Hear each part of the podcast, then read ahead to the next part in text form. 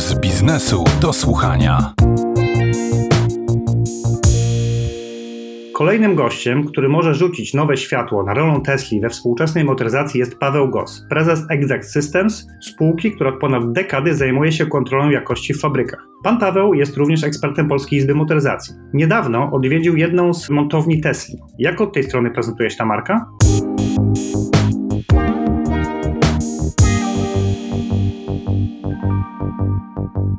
Tak, rzeczywiście. W 2019 roku miałem okazję odwiedzić holenderski oddział fabryki Tesli która to jest przeznaczona dla odbiorców europejskich, y, tak aby mogły samochody spełniać wszystkie wymagania na, na europejskich drogach. No i to jest ciekawa obserwacja, na którą można było zwrócić uwagę, to jest to, że rzeczywiście skala działalności Tesli w Europie i tej montowni, która mieści się w holenderskim Tilburgu, no jest y, znacznie mniejsza niż y, tych dużych, potężnych zakładów Europy Zachodniej, czy niemieckich, czy francuskich, czy włoskich koncernów samochodowych. Oczywiście tutaj bardzo ważna jest ta skala. Akurat w fabryce w Tilburgu montuje się dwa modele, model S i model X Tesli, które to modele są de facto przywożone bezpośrednio w e, bardzo gotowej już formie na platformach e, z fabryki Fremont, która mieści się w Kalifornii, która jest jedną z dwóch de facto działających dużych fabryk samochodów, które produkują samochody od A do Z bo te fabryki to jest jedna właśnie we Fremont, to jest ta pierwsza fabryka, którą zresztą Tesla przejęła kiedyś jako, można powiedzieć, fabrykę opuszczoną przez zakłady General Motors, y, które nie widziały w tej fabryce przyszłości i Tesla wykorzystała tą szansę i przejęła te linie produkcyjne i na nich zbudowała swój e, system produkcji i swój system oparty na nowych modelach samochodów elektrycznych. No a druga fabryka to fabryka, która de facto dopiero się rozkręca i z którą są związane bardzo duże nadzieje. To jest fabryka w Szanghaju, która już działa, już, już produkuje. Wyprodukowała w zeszłym miesiącu dokładnie 23 tysiące pojazdów. Natomiast fabryka w Tilburgu, którą miałem okazję oglądać, jest rzeczywiście fabryką, która de facto montuje i dostosowuje na rynek europejski te modele, które są do niej przywożone z, fabryki z Fremont z Kalifornii. No i teraz chodzi bardzo ważna jakby różnica, czym się różni ta fabryka od fabryk tradycyjnych, które prowadzone są przez potężne koncerny, które działają w tej branży od 100 lat. No skala. Fabryka w Tilburgu jest w stanie produkować około 26, montować 27 tysięcy sztuk samochodów kwartalnie. No to jest y, w stosunku do tego, jaka jest wydajność linii produkcyjnych niemieckich koncernów samochodowych, no to jest tak naprawdę wręcz tygodniowy odczyt, który te fabryki mogą zanotować przy ilościach ponad pół miliona sztuk produkowanych rocznie, prawda? Także to są zupełnie inne skale. I to też ma związek z tym, że zupełnie inaczej wygląda cały łańcuch dostaw. No bo ze względu na to, że ta wielkoseryjność jest w przypadku Tesla o wiele mniejsza, to też i te łańcuchy dostaw są, i ta grupa dostawców jest o wiele mniejsza i skala ich działalności jest mniejsza. Pamiętajmy o tym, że tak duży popyt na samochody elektryczne, który jest potem odzwierciedlony w produkcji, jest bardzo ciekawy w przypadku samochodów elektrycznych, ponieważ tutaj ten popyt jest bardzo, bardzo wysoki, a mimo wszystko fabryki Tesla nie są w stanie nadążyć i w krótkim okresie czasu, czytaj do trzech miesięcy, dostarczyć ten pojazd osobie, która go zamawia e, głównie online'owo, bo jak wiemy Tesla nie sprzedaje samochodów w salonach dealerskich, tylko cała sprzedaż jest oparta na sprzedaży internetowej.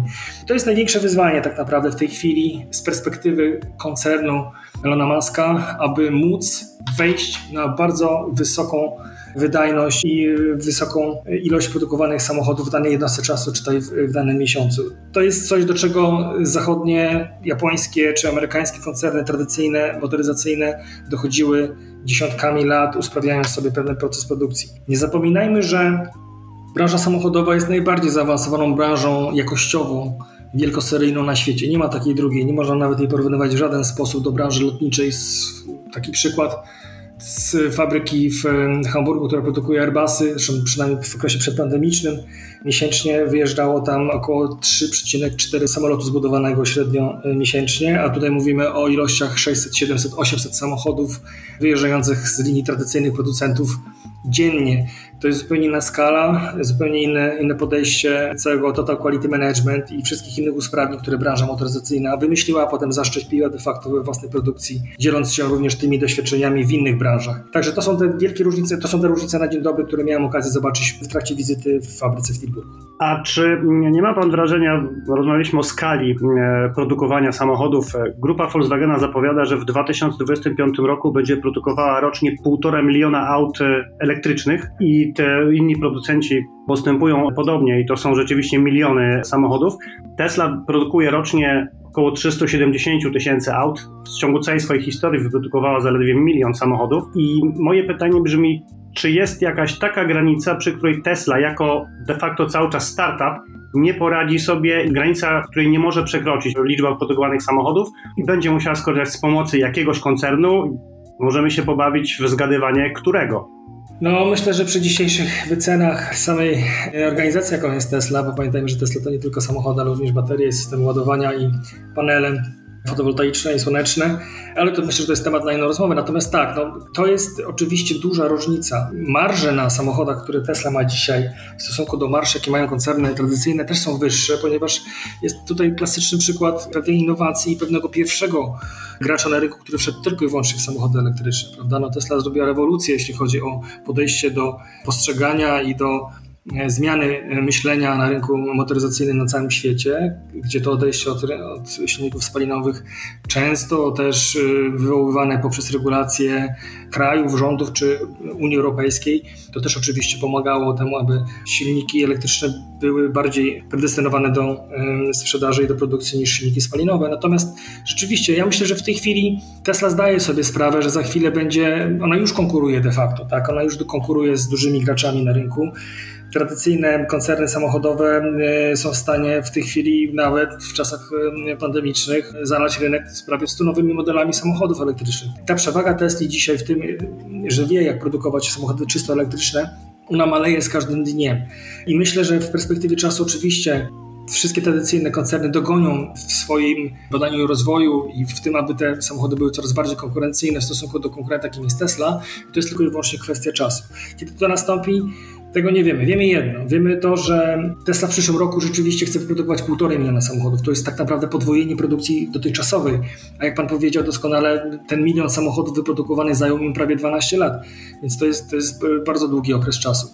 I wiemy też to, że zrównanie się cen samochodów o napędzie spalinowym z tymi elektrycznymi nastąpi najwcześniej w roku 2026 i do roku 2029 to zrównanie cen powinno być już czystą, żywą grą konkurencyjną tych koncernów, ponieważ to będzie moment już czystej walki i wszyscy myślę, że będą na tyle mocni, łącznie z tradycyjnymi koncernami, aby nawiązać e, walkę o klienta, który tylko i wyłącznie o samochodach elektrycznych i, o takim napędzie będzie myślał.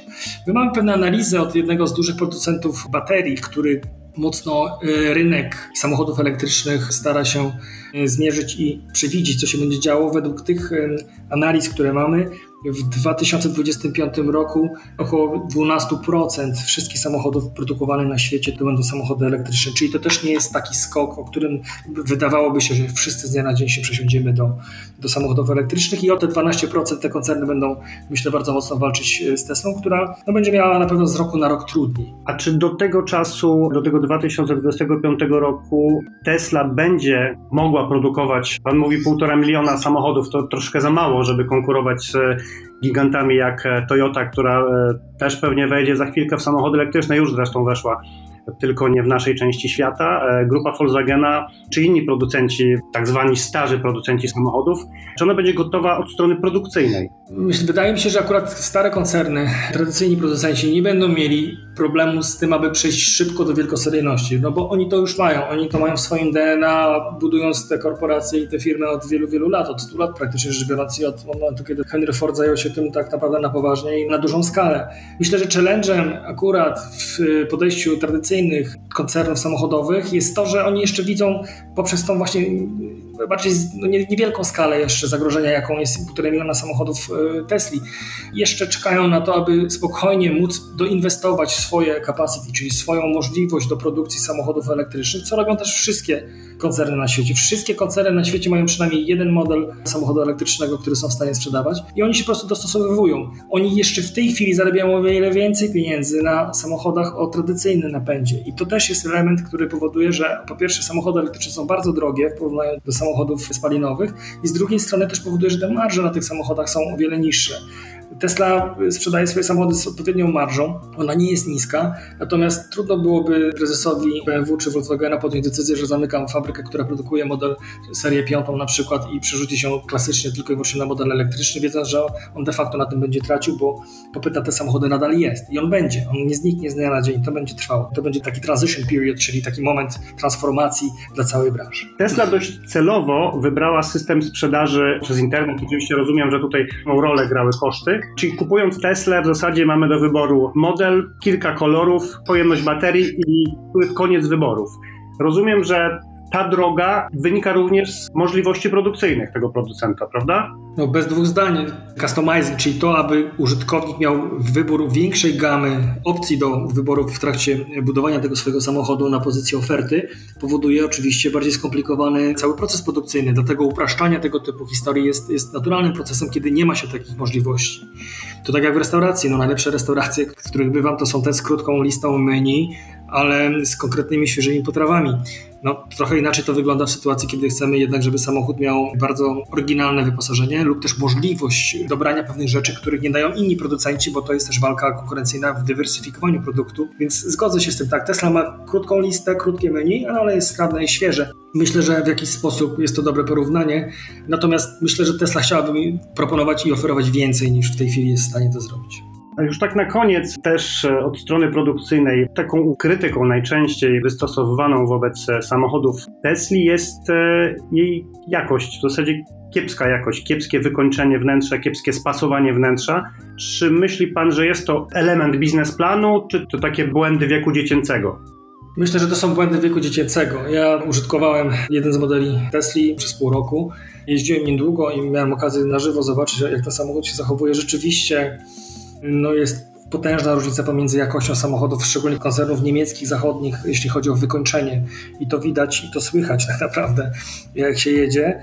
Tesla jest na zupełnie innym poziomie krzywej nauki, uczenia się procesu i wdrażania też pewnych rozwiązań, które są naturalne dla tradycyjnych koncernów, a dla nich są cały czas pewnym wyzwaniem, bo wyzwaniem jest to, żeby robić y, produkty, które są wysokiej jakości, czyli samochody, produkować samochody wysokiej jakości przy zwiększaniu wolumenów wielkoseryjności tych pojazdów, tak, żeby zwiększając capacity, możliwości produkcyjne tych fabryk. I to jest największy challenge, z którym Tesla ma dzisiaj problem i taka jest prawda rzeczywiście. Natomiast Tesla poszła w innym kierunku. Uznała, że lepiej przedstawić konsumentowi inne rozwiązania dotyczące ekranów, autopilota, systemów e, nawigacyjnych, panelu dotykowego czy innych e, ciekawych rzeczy, które się pojawiły w samochodzie, których tradycyjni producenci nigdy nie stosowali na taką skalę i poszli w tym kierunku, nie dbając tylko o element wizualny odbierany przez kierowcę w trakcie jazdy jako wysoka jakość. I to jest rzeczywiście kłopot i problem, z którym Tesla musi się zmierzyć.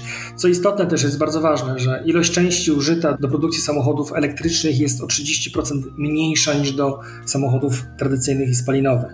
To też powoduje, że cały ten łańcuch dostaw jest troszeczkę inaczej zbudowany i w jakiś sposób inaczej powinien być poukładany. To powinno ułatwić de facto Tesli czy każdemu innemu producentowi samochodów elektrycznych, aby zorganizować sobie łańcuch dostaw, jakość tych dostaw i de facto nadzór nad tym, co przychodzi do fabryki, zanim zostanie zmontowany w gotowy samochód. A pamiętajmy też o tym, że akurat Tesla postawiła na bardzo zintegrowany, pionowy proces konsolidacji własnych dostawców i wiele rzeczy robi sama nie posiłkuje się firmami zewnętrznymi, globalnymi dostawcami części i komponentów, tylko produkuje w 80% większe rzeczy sama we własnych fabrykach lub też u kooperantów, których jest współwłaścicielem. To jest pewna inna filozofia. Myślę, że na dużą skalę będzie to trudne do utrzymania. No i zobaczmy tak naprawdę, czy ta fabryka w Szanghaju będzie w stanie osiągnąć te 550 tysięcy sztuk wyprodukowanych samochodów w przyszłym roku. No to będzie na pewno challenge i myślę, że to będzie ciekawa obserwacja dla nas wszystkich. Dziękuję za rozmowę. Moim gościem był Paweł Gos, prezes Exact Systems i ekspert Polskiej Izby Motoryzacji. Dziękuję bardzo.